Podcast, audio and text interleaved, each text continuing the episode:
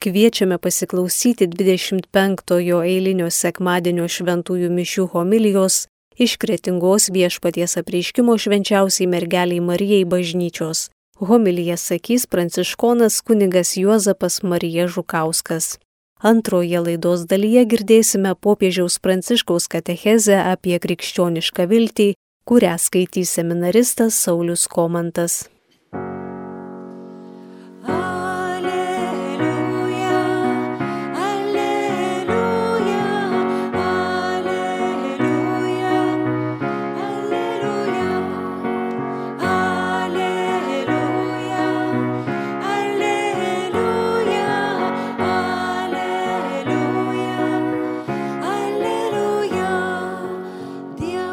pašaukė mus per Evangeliją, kad įgytume mūsų viešpaties Jėzaus Kristaus garbę.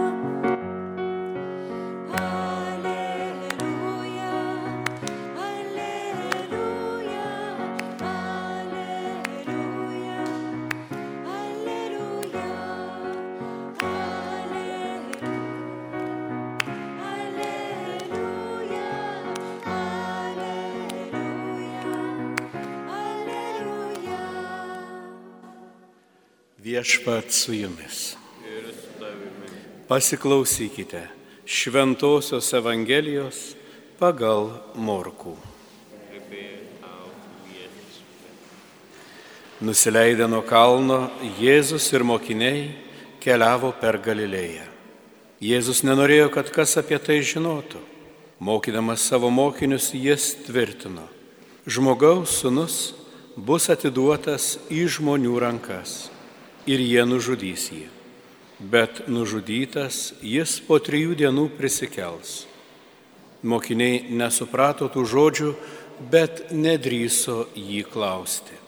Jie atėjo į Kafarnaumą. Namie jis paklausė juos, apie ką kalbėjotės kelyje. Jie tylėjo.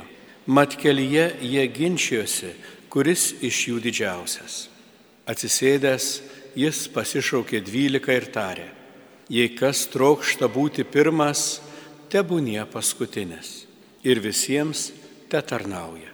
Paėmęs mažą vaiką pastatė jų tarpę ir apsikabinęs jį pasakė, kas vardan manęs priima tokį vaikelį, tas priima mane. O kas priima mane, tas ne mane priima, bet tą, kuris yra mane siuntęs. Girdėjote viešpatie žodį.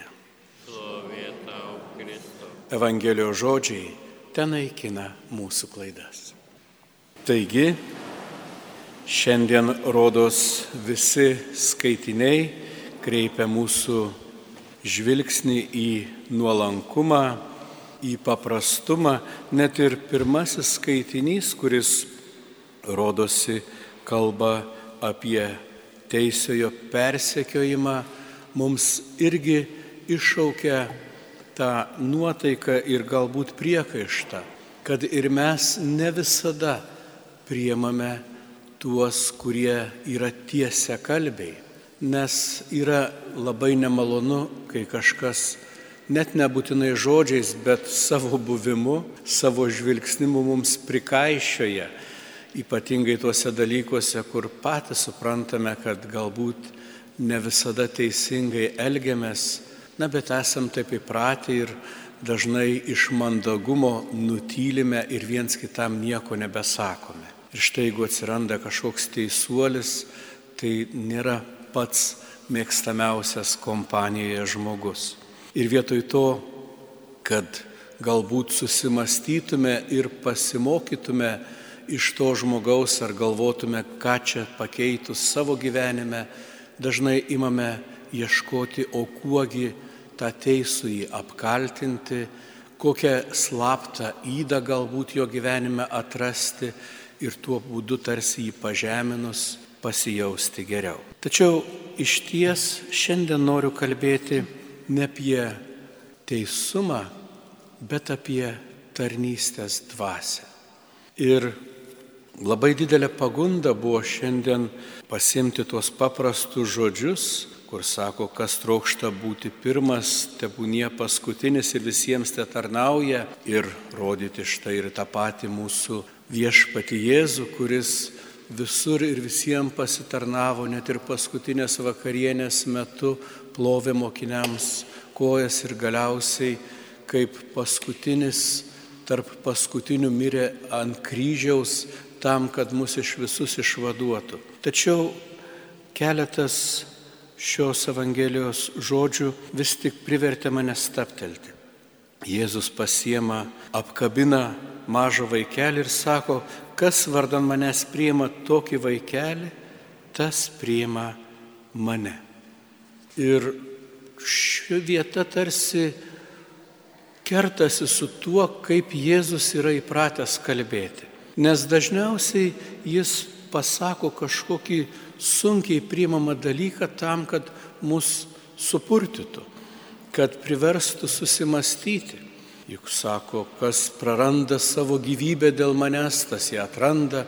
Arba sako, jeigu jums užduos per vieną skruostą, atsukite kitą. O štai čia sako, kas priema mažą vaiką.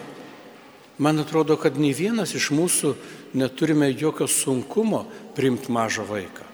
Vaikus juk visi mėgsta. Net ir politikai puola fotografuoti su vaikais ir atrodo visiems patinka, kai vaikai aplink laksto, zuja. Taigi, kurgi čia tas sunkumas, kurgi čia ta žinia. Ir tuomet aš pagalvojau, o kaipgi buvo su vaikais Jėzaus laikais. Taip reikia pripažinti, kad vaikus tikrai ir tais laikais visi mylėjo. Tačiau vaikai taip pat buvo laikomi ir nieko vertais. Ypač maži, iki kokių penkių metų, kol dar negalėjo dirbti. Ir nuo penkių metų jie pasidarydavo brangus ne todėl, kad staiga išgražėdavo ar galėdavo kalbėti, bet todėl, kad galėdavai pristatyti juos prie darbo. Ir sunkmečio laiku arba atėjus bado metui, mažamečiai būdavo maitinami paskutiniais. Ir jeigu šeima išgyvendavo tikrai sunku laiką, nebūdavo retas dalykas, kad maži vaikai būdavo paliekami laukia tiesiog numirti badu. Taip pat daugybė vaikų vos tik gimusių būdavo atiduodami mirčiai, ypatingai jeigu tai būdavo mergaitės. Galėtume baisėtis, sakyti, kas per laukiniai papročiai.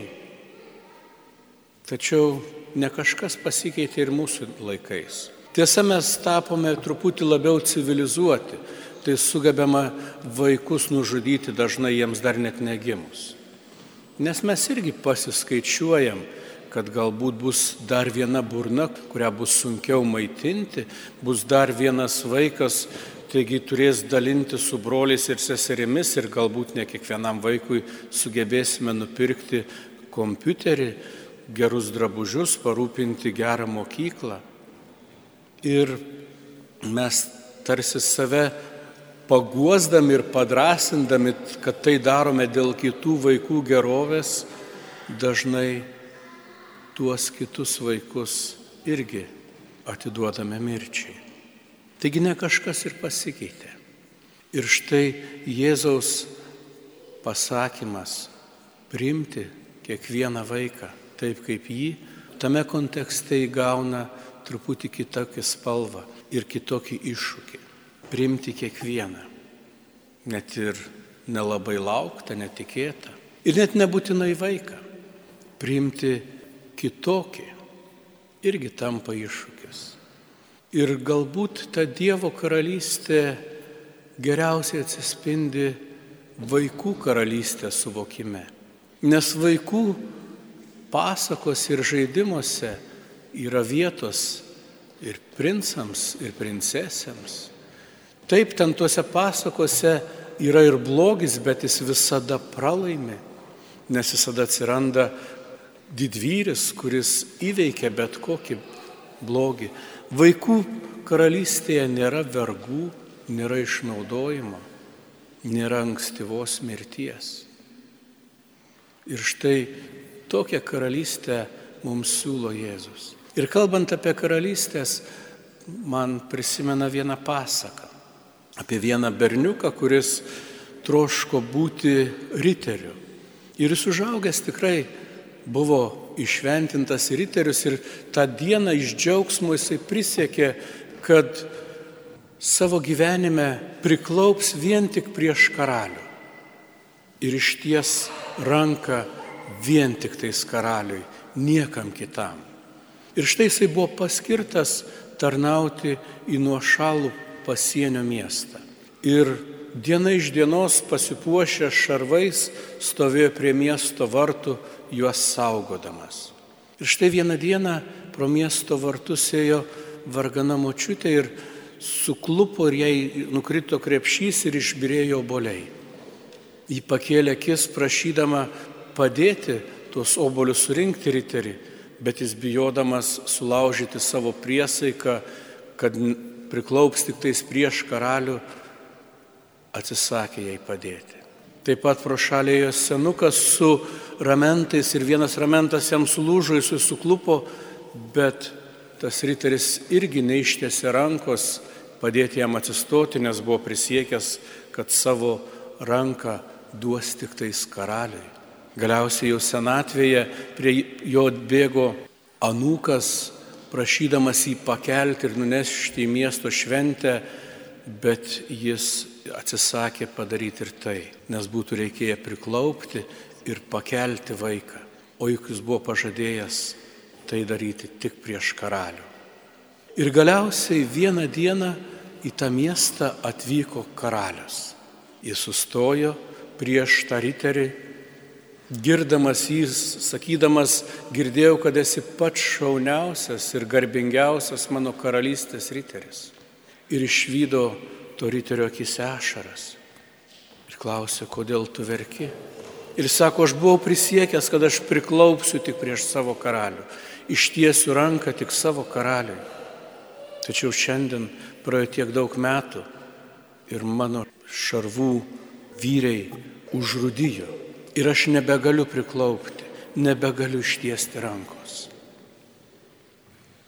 Ir karalius jam sakė, jeigu tu būtum dažniau priklaupęs prieš kitus žmonės, jei būtum ištiesęs ranką kitiems žmonėms, atėjus metui galėtum priklaupti ir prieš savo karalių. Ir štai Jėzus priklaupė prie mažo vaiko, apkabina mažą vaiką ir rodo jį mums kaip pavyzdį. Ir mes gyvenime taip pat esame kviečiami priklaupti, apkabinti. Ir pasakysiu dar daugiau. Netgi mūsų kartais gerai darbai, mūsų troškimai padėti dar nėra iki galo viskas, ką turime padaryti.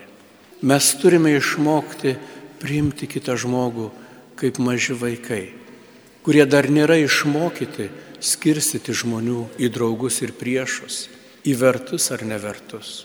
Vaikai, kurie atbėga ir žaidžia su visais. Taip ir mes esame kviečiami užmiršti, kas kokiai partijai priklausom, kas kokiai tautybei atstovaujam, kas esame daugiau ar mažiau pasiekę gyvenime, bet su meilė žvelgti kiekvieną žmogų. Kaip apaštalas Paulius sakė, net jeigu sugebėčiau kalnus kilnoti, bet neturėčiau meilės, aš būčiau niekas.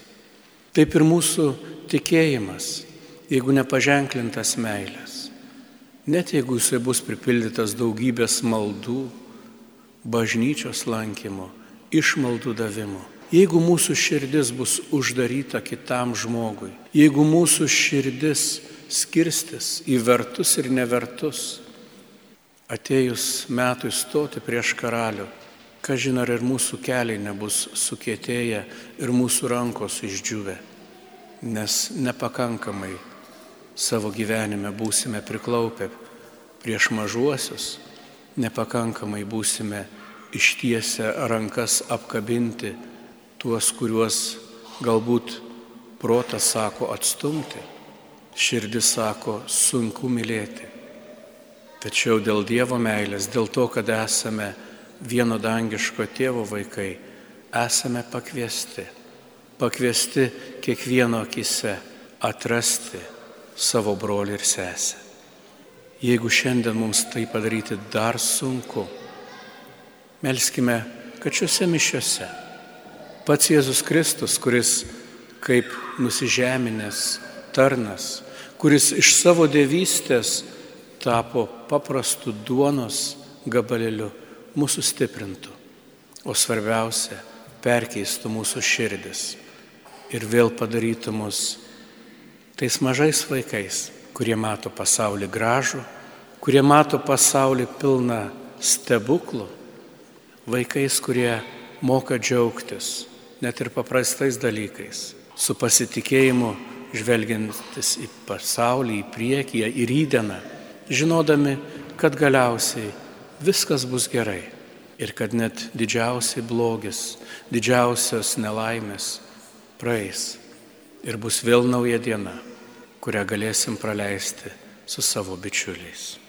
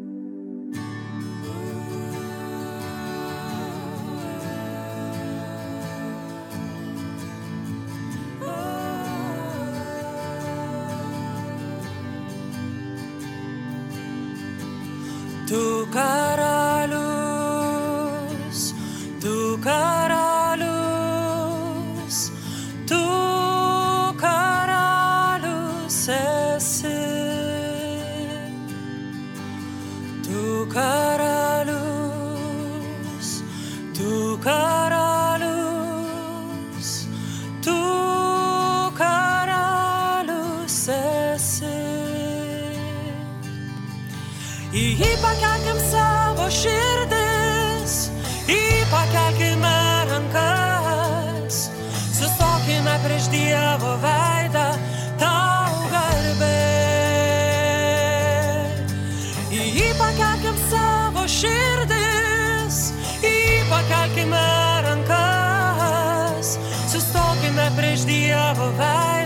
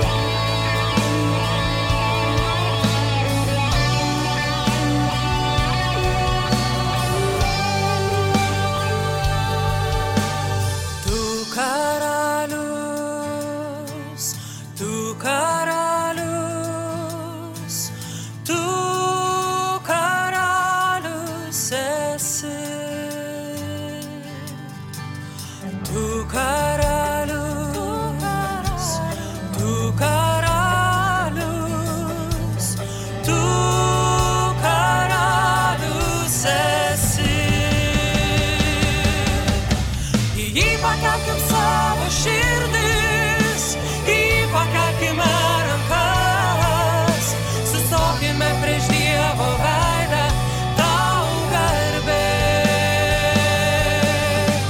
Į jį pakelkim savo širdis, į jį pakelkime rankas, sustokime prieš Dievo veidą tau garbė.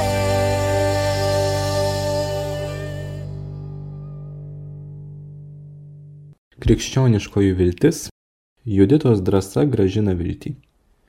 Tarp Senojo testamento mums pristatomų moterų išsiskiria liaudės herojė Judita. Jos vardu pavadinta Biblijos knyga pasakoja apie karaliaus Nebukadnecaro karinę kompaniją. Jis viešpatauja Ninevėje, plečia savo karalystės ribas, sumuždamas ir pajungdamas kaimininės šalis.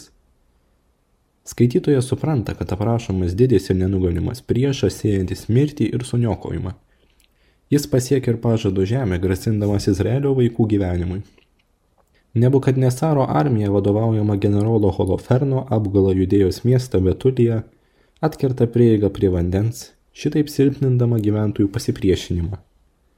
Situacija tapo dramatiška. Miesto gyventojai kreipėsi į seniūnus, ragindama pasiduoti priešams, jų žodžiai išreiškia beviltiškumą. Dabar nėra, kas mums padėtų. Iš tikrųjų Dievas atidavė mus jiems į rankas – kad būdami ištroškę ir bejėgiai pultume prieš juos kniupsti. Jie pasakė, Dievas mus pardavė. Toks didžiulis buvo tų žmonių nusiminimas. Dabar tad tučtojau pašaukite juos ir atiduokite visą miestą kaip grobį Holoferno tautai ir visą jo kariuomeniai. Pabaiga atrodo neišvengiama. Gebėjimo pasitikėti Dievu neliko nelašo. Išgalėjimas pasitikėti Dievu išsisėmė. Kaip dažnai mes atsidurime ribinėse situacijose, kai nejaučiame net gebėjimo pasitikėti viešpačiu. Tai baisus gundimas. Paradoksaliu būdu atrodo, jog siekiant išvengti mirties nelieka nieko kito, kaip atsiduoti į rankas tiems, kurie žudo. Jie žino, kad kareiviai įsiverš į miestą ir jie apiplėš, paims į nelaisvą moteris, o visus kitus nužudys. Tai yra būtent galutinė riba. Tokio didžiulio nusivylimo akivaizdoje tautos vadovas tengiasi duoti bent trupinėlį vilties. Išsilaikykime dar penkias dienas, laukdami gelbstinčio Dievo įsikišimo. Tačiau tai silpna viltis, todėl jis užbaigia taip. Betgi jei toms dienoms praslinkus pagalba neteis, tai darysiu kaip jūs sakote. Vargšas žmogus. Jis neturėjo kitos išeities. Dievui duodamos penkios dienos. Ir čia glūdi nuodėmė. Kad jis pradėtų veikti, penkios dienos laukimo, tačiau perspektyvoje jau galas. Jie duoda Dievui penkias dienas, kad juos išgelbėtų, tačiau juo nepasitikė ir tikisi blogiausio. Iš tikrųjų jau niekas tautoje nebegeba viltis. Jie buvo nusivylę. Toje situacijoje pasirodo Judita. Našlė, moteris apdovanota didžiuliu grožiu bei išmintimi, kreipiasi į tautą tikėjimo kalbą. Ji drąsiai ir atvirai priekaištauja tautai, Viešpatį visagalį jūs bandote. Ne mano broliai, nepykinkite viešpaties mūsų dievo. Juk jeigu jis nepanorės ateiti mums į pagalbą per tas penkias dienas, jis gali, kada jam patinka mus apsaugoti ar net sunaikinti mus priešo akivaizdoje. Tad kantriai laukdami jo išgelbėjimo šaukimės jo pagalbos.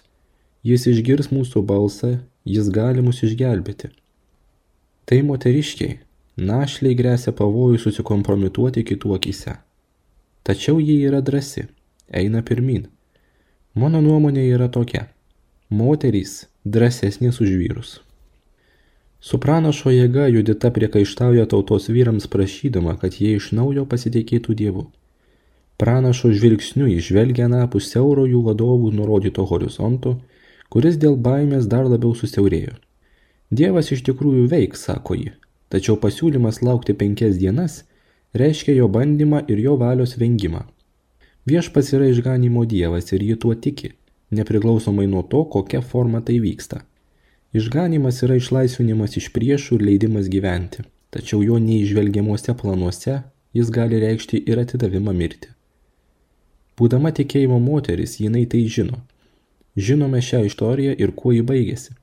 Dievas išgelbėja. Brangus broliai ir seserys, Niekuomet nekelkime Dievui sąlygų, leiskime vilčiai veikti mūsų baimės, pasitikėti Dievu reiškia įsitraukti jo planus nieko netrokštant, sutinkant, kad jo išgelbėjimas ir pagalba gali ateiti tokiu būdu, kuris skiriasi nuo mūsų lūkesčių.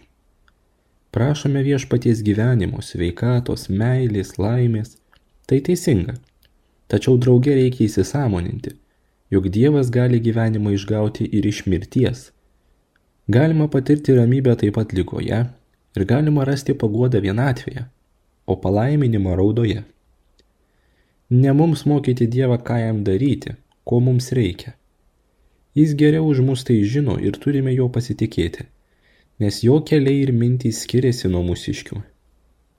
Juditos nurodytas kelias yra pasitikėjimas, laukimas ramybėje, malda ir klusnumas. Tai vilties kelias.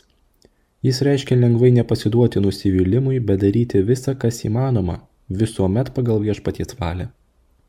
Kaip žinome, jie daug meldėsi, ilgai kalbėjo tautai, po to drąsiai nuėjo, rado būdą, kaip prisertinti prie kariuomenės vado ir sugebėjo nukirsti jam galvą, perpjauti gerklę.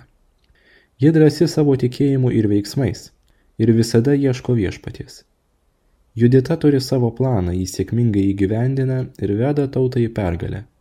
Tačiau visuomet išlieka tikėjimų nuostata, kai viskas priimama iš Dievo rankos, tikrai tikint jo gerumu. Taigi tikėjimo ir drąsos kupina moteris gražina stiprybę savo tautai, kuriai grėsia mirtinas pavojus. Ji veda tautą vilties keliais, kuriuos nurodo taip pat mums. Jei truputį pagalvosime, prisiminsime, kiek daug kartų girdėjome išmintingus drąsius žodžius iš paprastų žmonių, paprastų moterų, apie kuriuos manoma be paniekinimo, kad jie daug ką neišmano. Tačiau tai yra Dievo išminties žodžiai, močiučių žodžiai. Kaip dažnai močiutės moka pasakyti tinkamą žodį, vilties žodį, nes turi gyvenimo patirties, daug kentėjo, pasitikėjo Dievu ir viešpats apdovanoja mus viltingų patarimų. O kai eisime tais keliais, galėsime su džiaugsmu ir Velykų šviesa atsiduoti viešpačiui šiais Jėzaus žodžiais. Tėve, jei nori atimk šitą taurę nuo manęs, tačiau te būna ne mano, bet tavo valia tai yra išminties, pasitikėjimo ir vilties malda. Šioje laidoje girdėjome 25-ojo eilinio sekmadienio šventųjų mišių homiliją iš kretingos viešpaties apreiškimo švenčiausiai mergeliai Marijai bažnyčios. Homiliją sakė pranciškonas kunigas Juozapas Marija Žukauskas. Antroje laidos dalyje girdėjome popiežiaus pranciškaus katechezę apie krikščionišką viltį kurią skaitė seminaristas Saulis Komantas.